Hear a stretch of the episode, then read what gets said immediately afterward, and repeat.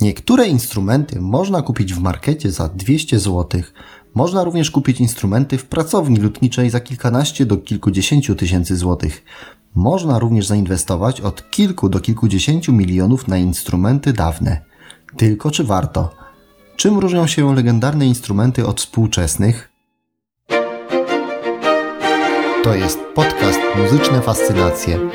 Nowe instrumenty versus Stradivarius. Przez trzy ostatnie wieki było tylko kilku lutników, których instrumenty uznawane są za niedościgniony wzór, a ich ceny sięgają zawrotnych sum. Zdecydowanie najbardziej znanym i cenionym jest Antonio Stradivari. Przez całe życie Antonio wykonał ponad 1100 instrumentów, z czego około 960 to skrzypce. Pomimo tego, że żył bardzo długo, około 94 lata, jest to wyjątkowo imponujący wynik, dający średnio ponad jeden instrument na miesiąc. Dla porównania współcześni lutnicy poświęcają od 3 do kilkunastu miesięcy na budowę instrumentu. Dzieła Stradivariego mają reputację instrumentów perfekcyjnie wykonanych, wręcz magicznych, wyróżniających się niedoścignioną jakością dźwięku. Jak to możliwe, by w tym tempie robić tak wspaniałe produkty, od wielu dekad naukowcy oraz lotnicy próbują odkryć sekret Stradivariusów.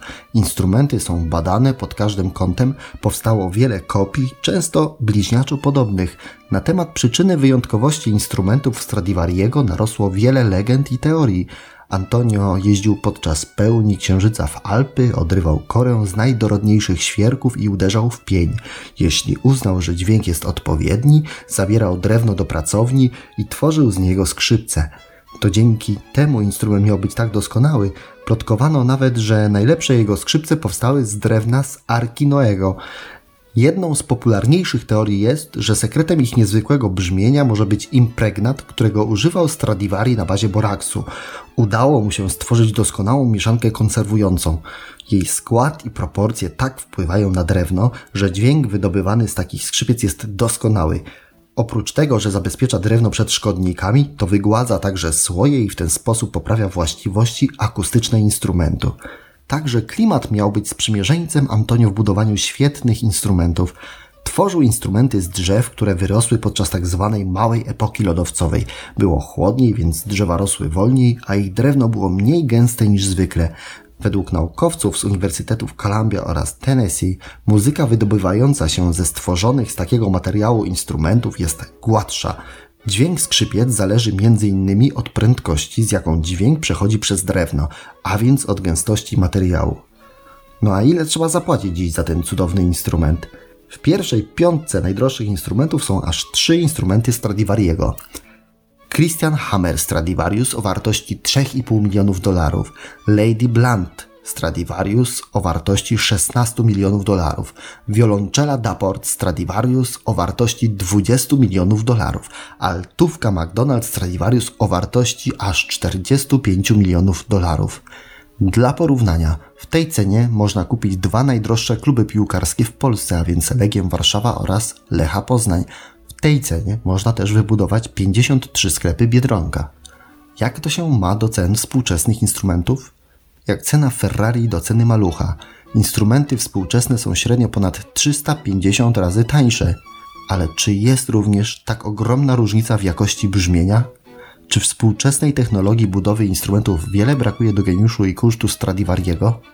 W 2007 roku francuska badaczka Claudia Fritz zaczęła badać, w jaki sposób skrzypkowie oceniają skrzypce. We wrześniu 2010 roku wraz z amerykańskim lutnikiem Josephem Catinem zorganizowali tzw. Tak ślepe testy brzmienia skrzypiec na wzór ślepych degustacji win, gdzie na podstawie koloru, zapachu oraz smaku sommelier określa rodzaj wina. Testy odbyły się podczas międzynarodowego konkursu skrzypcowego w Indianapolis. Wyniki natomiast zostały opublikowane w Proceedings of National Academy of Sciences. Eksperyment trwał 3 dni i zaangażowanych w niego było 21 skrzypków spośród uczestników konkursu, jurorów, członków Indianapolis Symphony oraz innych zawodowych muzyków. Uczestnikom przesłuchań zorganizowano jednogodzinne sesje w pokoju hotelowym, w którym w specjalnie zmodyfikowanych okularach spawalniczych testowali sześć instrumentów. Trzy z nich były instrumentami współczesnymi, najmłodszy miał kilka dni, a trzy były wspaniałymi instrumentami dawnymi autorstwa Antonio Stradivariego. W pierwszej części eksperymentu skrzypkowie zostali poinstruowani, aby wybrać preferowane skrzypce z każdej serii losowych par. Mieli minutę na zagranie na każdym instrumencie. Okazało się, że grający woleli stare instrumenty tylko 3,7 razy na 9. Część druga eksperymentu została zaprojektowana tak, aby naśladować sposób, w jaki grający wybierają instrumenty w sklepie ze skrzypcami, gdzie zwykle wypróbowują kilka, zanim wybiorą jeden do zabrania do domu po zatwierdzeniu. Wszystkie sześć instrumentów testowych zostało ułożonych na łóżku. Skrzypkowie mieli 20 minut na grę na nich w dowolny sposób i w dowolnej kolejności. Następnie poproszono ich o wybranie jednego instrumentu, który najbardziej chcieliby zabrać ze sobą do domu. Najczęściej wybieranym instrumentem okazał się instrument nowy.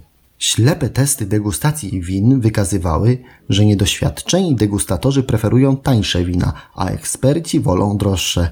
Odwrotną sytuację zaobserwowano podczas testów instrumentów. Zaledwie 8 z 21 skrzypków, co stanowi tylko 38% całości, wybrało stare skrzypce do zabrania do domu. Dla muzyków oraz kolekcjonerów wyniki okazały się szokujące i wywołały wiele kontrowersji. Krytykowano, że było zbyt mało czasu, by profesjonalnie ocenić instrumenty, poza tym w małym pomieszczeniu była zbyt sucha akustyka. Pojawiły się również głosy, że stare skrzypce nie zostały odpowiednio zoptymalizowane poprzez selekcję, a także dobór strun i ustawienie lutnicze. W związku z licznymi zarzutami Claudia Fritz oraz Joseph Curtin postanowili powtórzyć eksperyment, jednak na zdecydowanie większą skalę. Tym razem próba odbyła się w Paryżu w styczniu 2012 roku. Była o wiele ambitniejsza. Do testu zaproszono wspaniałych wirtuozów z całego świata. Testom poddano 22 instrumenty, 13 nowych skrzypiec z różnych krajów oraz 9 wspaniałych dawnych włoskich instrumentów. Każdy test trwał 1 godzinę i 15 minut w różnych warunkach, w sali prób, w sali koncertowej na 300 osób kulminacją testu był występ solistów z orkiestrą, gdzie skrzypce były także oceniane przy udziale publiczności. Większość muzyków zapytanych, który instrument wzięłaby dla siebie na trasę koncertową, wybrała instrument nowy. Tym razem muzycy byli solistami najwyższej klasy. Mieli więcej czasu na przetestowanie szerszego wyboru skrzypiec w bardziej odpowiednich ustawieniach. Więc skąd powszechne przekonanie na temat magicznego, niedoścignionego brzmienia instrumentów Stradivariego? Przyznanie, że można zbudować współcześnie instrumenty, które nie będą odbiegały jakościowo od Stradivariego, nie dla każdego będzie korzystne. Jeśli taka opinia się rozpowszechni, mogą stracić na wartości, a dotychczas były świetną lokatą kapitału, niepodatną na wahania rynku. W ciągu ostatnich 50 lat ich wartość wzrosła aż dwustukrotnie. Ponieważ prowizje od ich sprzedaży sięgają 30%, pośrednicy w handlu tymi arcydziełami szybko stają się milionerami. Kilkanaście lat temu Dietmar Macholt sfinalizował sprzedaż trzech skrzypiec Stradivariego. Z zysku kupił sobie zamek Eichbuch w Katzeldorf, ten, w którym siostra Napoleona urządzała huczne przyjęcia. Skrzypce Stradivariego ustanawiają rekordowe ceny na aukcjach. Czy zatem wydawanie tak ogromnych pieniędzy na instrumenty dawne jest ich wyrzucaniem? No nie do końca. Trzeba pamiętać, że na wartość instrumentów wpływa nie tylko jakość brzmienia. Instrumenty Stradivariego są zabytkowe i niezwykle rzadkie. Ich ceny kształtuje przede wszystkim rynek dzieł sztuki. Do dziś przetrwało około 250 skrzypiec autorstwa tego lutnika. Ponadto dla wielu artystów inwestowanie pieniędzy w instrumenty Stradivariego to bardzo dobry sposób, by wzbogacić swoje portfolio oraz przyciągnąć publiczność na koncerty. Na instrumentach Stradivariego grała większość sławnych artystów Wieniawski, Lipiński, Młynarski, Huberman, Icak Perman, Jehudi Menuhin i wielu, wielu innych. Trzeba też pamiętać, że ocena jakości brzmienia jest oceną subiektywną. Poza tym, biorąc pod uwagę stopę zwrotu, to lepiej zainwestować pieniądze w instrumenty Stradivariego niż w nieruchomości lub złoto. To był podcast Muzyczna Fascynacja. Zapraszam do kolejnych audycji w każdy czwartek.